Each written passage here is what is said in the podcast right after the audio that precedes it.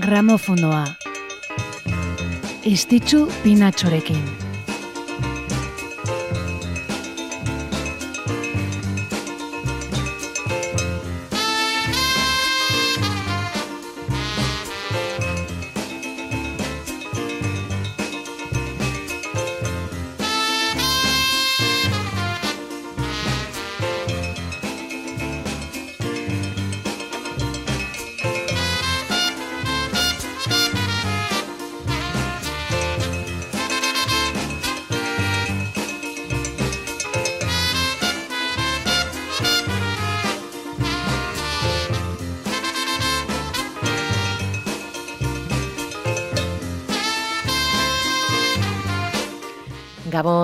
Gabon, eta ongi etorri gramofonora zer moduz udailetu zaigula eta ikasturteari agur erran diogo. Pasaden astean ospatu genuen solstizioa eta asteburuan zu eman atzean utzi nahi dugun horri. Ekainaren hogeita zortzia da gaur, denboraldi honetako azken saioa izanen dugu beraz. Gramofonoak oporrak hartuko ditu deskantxatu, udako kontzertuetaz gozatu, eta gurrengo ikasturteko denboraldirako, denboraldirako indarrak hartu. Bino agur erran naintzinetik, gaur gaurkoak. Erran bezala, ekainak hogeita zortzi ditu gaur, eta errepasatu ditzagun, egun honetan egondako musika gertakariak. Goazen!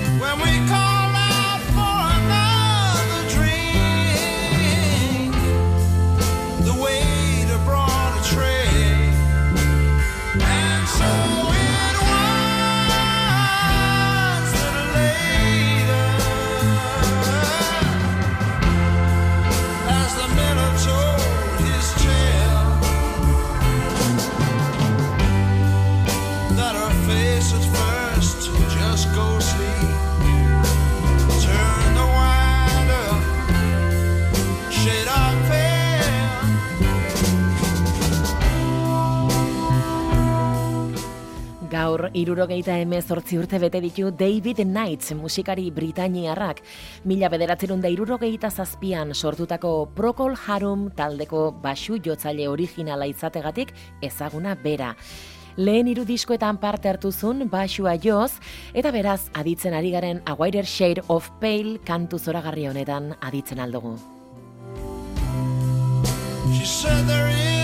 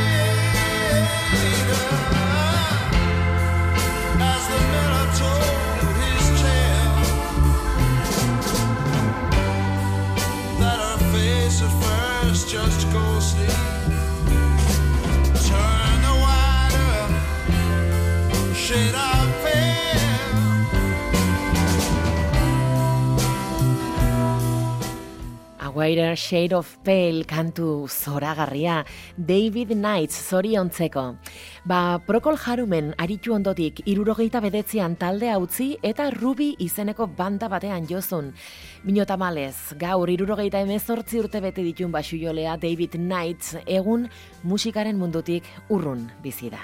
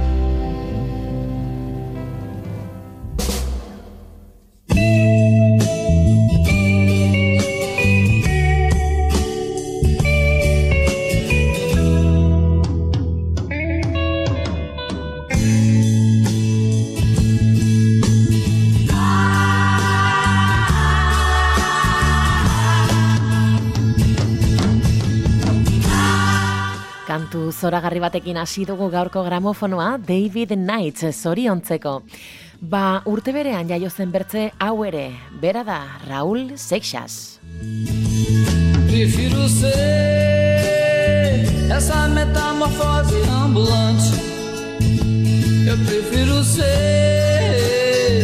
essa metamorfose ambulante Do que ter aquela velha opinião formada sobre tudo que ter aquela velha opinião formada sobre tudo.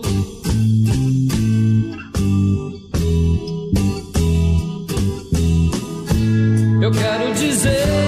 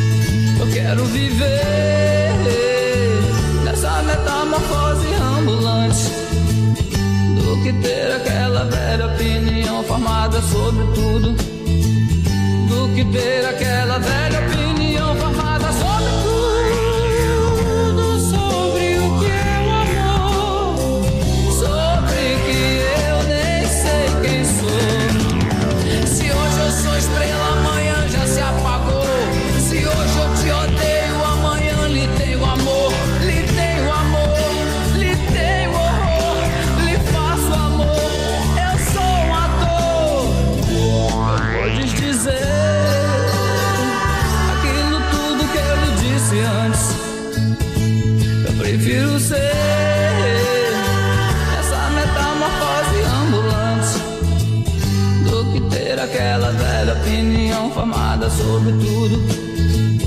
Do que ter aquela velha opinião formada sobre tudo.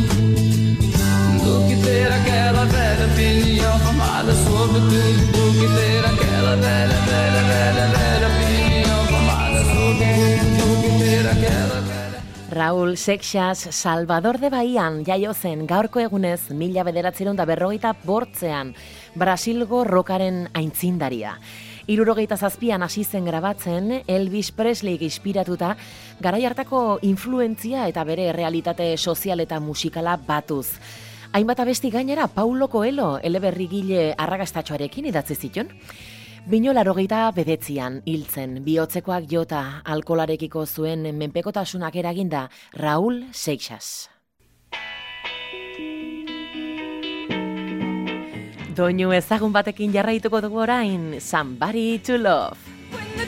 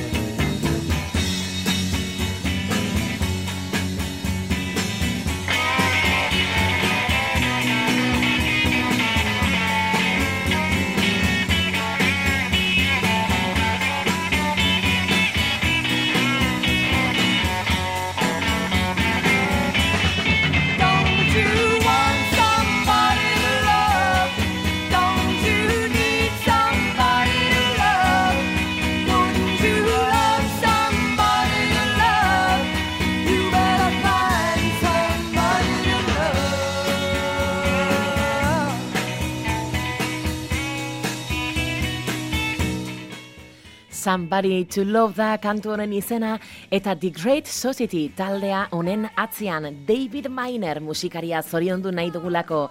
Estudioko musikaria izan zen bera, bino baita The Great Society banda psikodelikoko basu jolea ere. Mila bederatzerun da irurogeita lau eta irurogeita sei urteen artean. Janis Joplin aritu zen banda honetan eta neurria handi batean honengatik egin ziren ezagun. Mino egia da The Great Societykoek eh, ez zutela inoiz sekulako ihartzunik izan, ez zuten arrakasta komertzial esanguratsurik lortu, mino zalantzari gabe garai hartako kontrakultura musikalaren eh, parte garrantzitsua izan ziren. Taldea irurogeita seian eh, desegintzen eta handi gutxira Grace Slick eta Jerry Slick eh, banda honen sortzaileak Jefferson Airplane bandan sartu ziren eta bertan Somebody to Love honen bertsio bat egin zuten. Oraingoan bai, oraingoan sekulako arrakasta lortuz. Aro psikodelikoko abesti emblematikoenetako bat eh, konsideratzen den honekin. Dena den, David Minerren inguruan ari ginen gu The Great Societyn ibilitako basujolearen inguruan gaur Los Angelesen jaiotako musikari honek irurogeita ameka urte bete ditulako.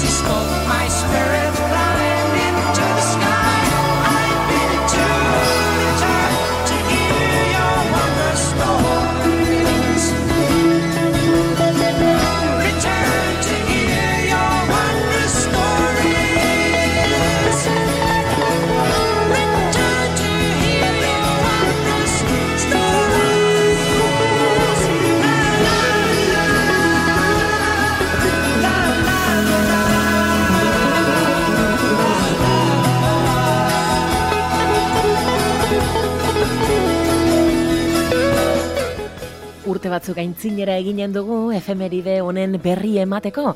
Gaurko egunez 2008 garren urtean zendutako basujole bat gogoratzeko. Chris Squireri buruz ari naiz, Yes izeneko taldearen sortzailetako bat, eta bertako basujolea izan zen ari buruz. Leuzemiaren ondorio zendu zen irurogeita zazpi urte zitula. Chris Squire izan zen gainera, John Andersonekin batera taldea sortu zutenetik, disko guzietan parte hartu zuen kide bakarra. Talde guztietan gertatzen den bezala, batez ere ibilbide luzea izan dutenetan, musikarien joan etorriak eh, ohikoak izaten dire, eta yes taldean ere alaxe gertatu zen. Bino erran bezala, Chris Squire izan zen, bandak ditun hogeita bat albumetan parte hartu zuen taldekide bakarra. Ondotik, yes, desagertu zenean XYZ izeneko super taldea martxan jarri zuten Chris Squirek berak yeseko kide zen Alan Whiteekin batera, eta John Bonamen eriotzarekin batean desagertu berria zen Led Zeppelin taldeko Jimmy Pageekin batera. Gramofonoa, istitzu pinatxorekin. XYZ taldeko Wondrous Stories kantua aditu dugu Chris Squire ekarri nahi genulako gogora. Yes taldea lehenik eta erran bezala XYZ banda ondotik sortu zituen basujole bikaina. Eta gramofonoan segitzen dugu bai eguneko efemerideak errepasatzen ari gara, eta hurrengoa bestiarekin ere musikari bikain hoietako bat ekarriko dugu. Honen izena da That's All Right, Mama.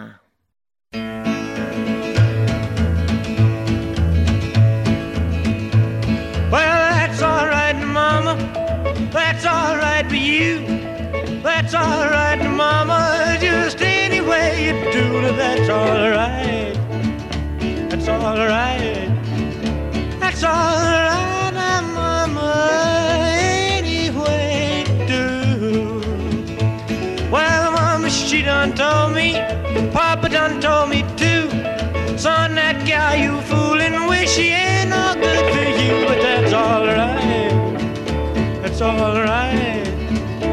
It's all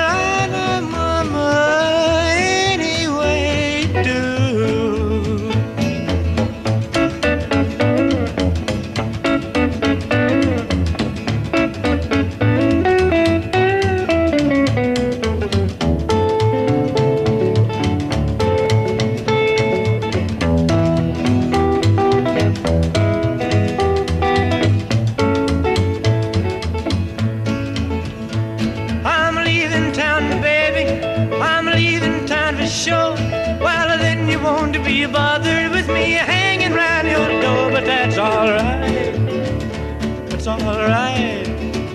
that's alright now, Mama. Anyway, do. Ah, da da dee, dee dee dee. Dee dee dee dee. Dee dee dee dee. I need your loving. That's alright.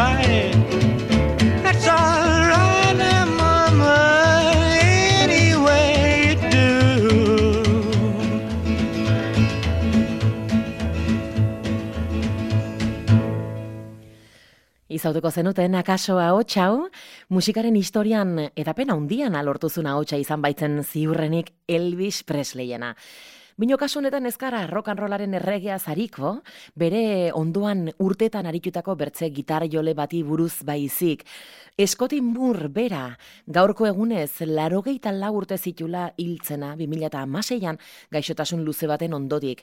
Rollaren aintzindaria eta erran bezala Elvis Presleyen gitarrista.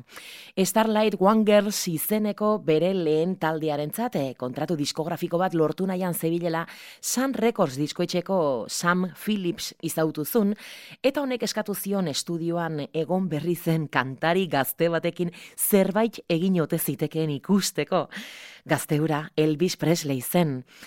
Lendabiziko saio baten ondotik, berrogeita amalauko uztailaren bortzean eh, Elvis, Moore, eta Scotty Moorekin batean Starlight Wangers taldeari forma ematen ari zen Bill Black, Sun Records estudiora joan ziren, eta hainbat ordutan probetxuzko deus ere atetzen ez zutela ikusi ondotik, Elvis aditu be- berri dugun That's All Right Mama abesten hasi zen, eta orduan Scotty Moore eta Bill Black gehitu zitzaizkion, eta elkarrekin bluesaren eta countryaren arteko, bueno ba, erdibideko soinu batekin eman zuten.